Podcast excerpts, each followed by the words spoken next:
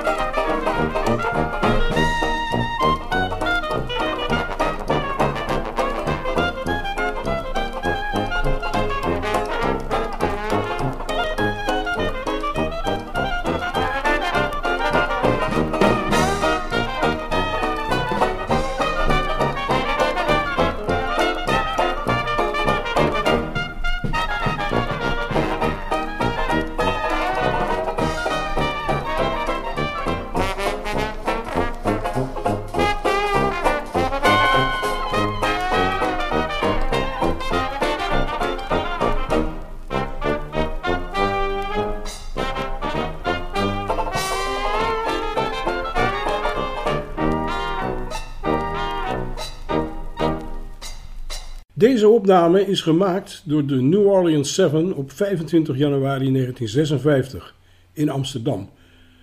Uit hetzelfde jaar hoort u nu een compositie van G.C. Johnson en Andy Razor uit 1928. Take Your Tomorrow.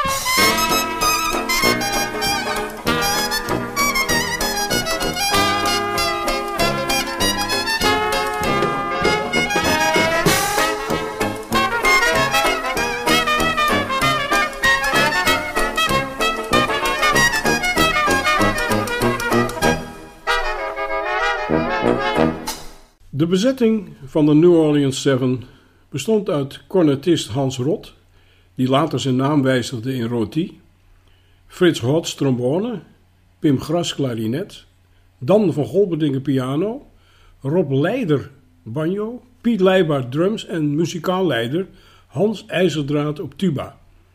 Wat omroeper van dienst Lek Braamhorst tijdens de Avro Jazz Competitie in 1954 verleidde om de band aan te kondigen als de New Orleans Seven met in de hoofdrol de heren Rotgas en IJzerdraad.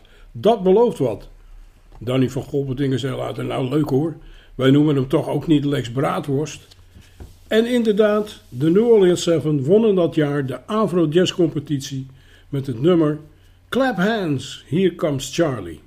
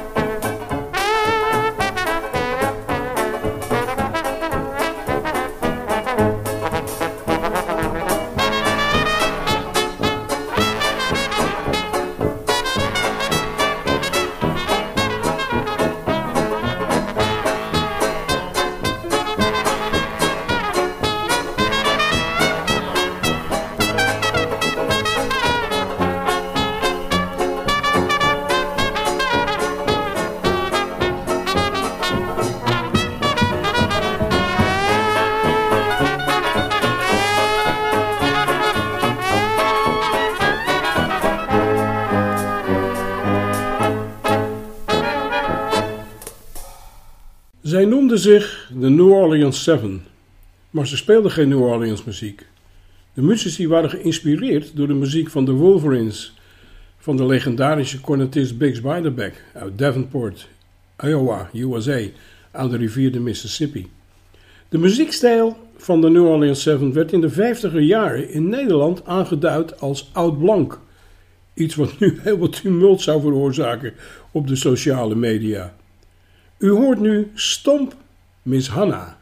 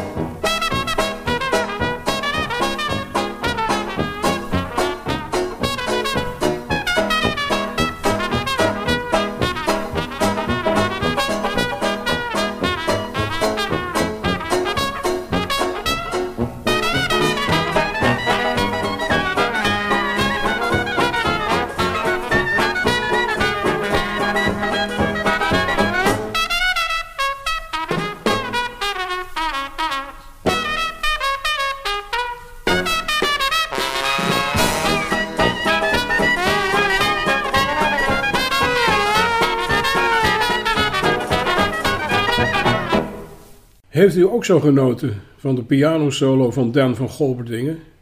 Dat was toch een great A. In de loop van 1957 verliet tuba-speler Hans IJzerdraad de groep. En er kwam een andere Hans in de band. Zijn naam? Hans Albers. Een bassist uit het Hilversumse. Jawel. Tuba or not tuba? That's the question. Ook banjo-speler Rob Leider verliet de band. Hij werd opgevolgd door Tom van Eck. En rietblazer Pim Gras werd opgevolgd door good old Jaap van Trotsenburg. Hier is de Alabama Stomp.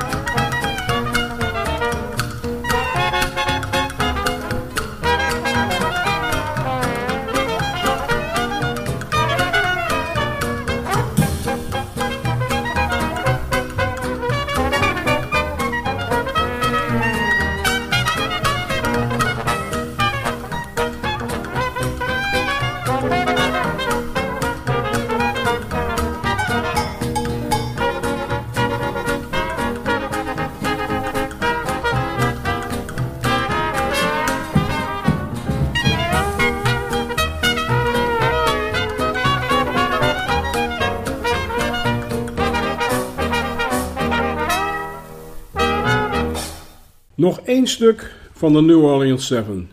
Nu met vier blazers in de frontline.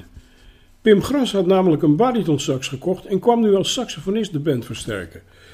U gaat luisteren naar een compositie uit 1924 van Jack Jallen. Hard Hearted Hannah, The Vamp of Savannah.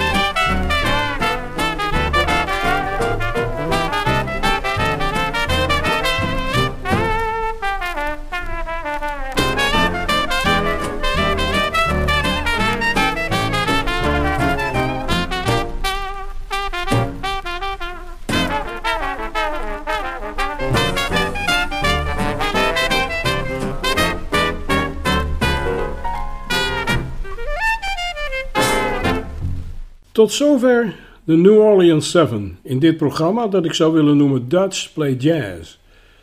Waren de muzici in de New Orleans Seven gemiddeld zo'n 25 jaar oud, nu wil ik u graag voorstellen aan de toenmalige aanstormende muzikale jeugd in Nederland. Met een gemiddelde leeftijd van zo'n 17 jaar in 1956. De Stork Town Dixie Kids. Zij openen met de Apex Blues.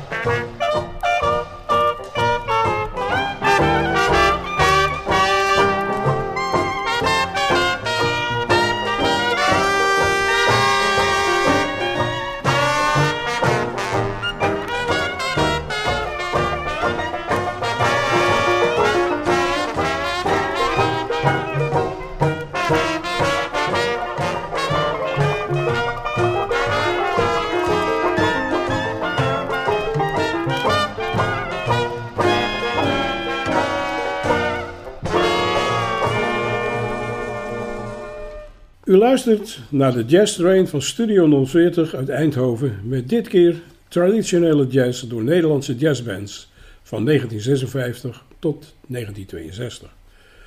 De Storktown, zoals de Storktown Dixie Kids in de volksmond genoemd werden, waren het jongste Dixieland orkest in Europa. De muzikaal leider was toen pianist Koos Wessels. George van der Puil speelde trompet, George K.T. trombone, zijn broertje Frits klarinet Rudy Dankaerts, bas, Kees Massaar, drums en Pimmetje Hogevorst, tenor, banjo en gitaar. Ze speelden in de Dixieland-stijl en hadden de Dutch Swing College Band als grote voorbeeld. By the way, Pim was net 14 geworden in dat jaar. Feest met At the Georgia Camp Meeting.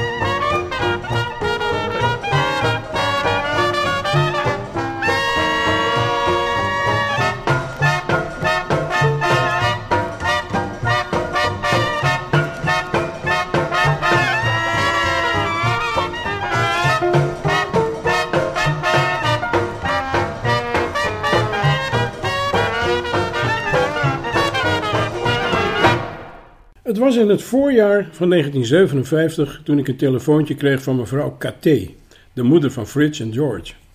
Eh, Bobby, kan jij zaterdag met ons meedoen in Kogente Zaan? Want Frits is het vast in militaire dienst. Nou, dat wilde ik wel. Zaterdag op de fiets naar feestzaal De Waakzaamheid om samen met de kids muziek te maken. Daar kwam de bandbus. Met vader Katé achter het stuur. Ook mevrouw Katé was mee om de bandkostuums te verzorgen. De veel te lange mouwen van het jasje van Frits werden vakkundig korter gemaakt en zonder verdere voorbereiding ging het los met I Can't Believe That You're in Love With Me.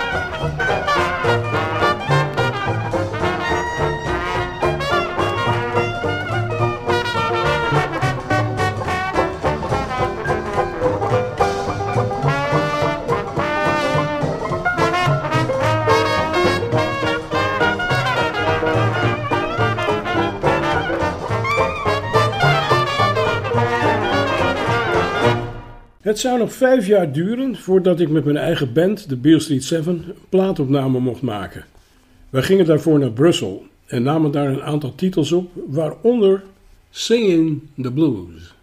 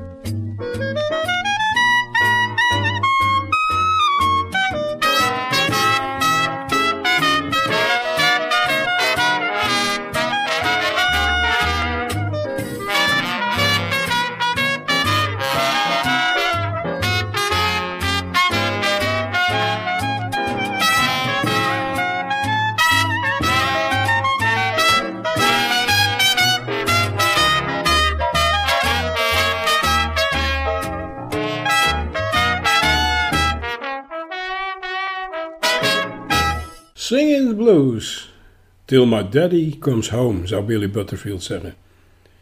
Nou, deze ballad uit 1920, een uptempo compositie van Jelly Roll Morton, de Wolverine Blues.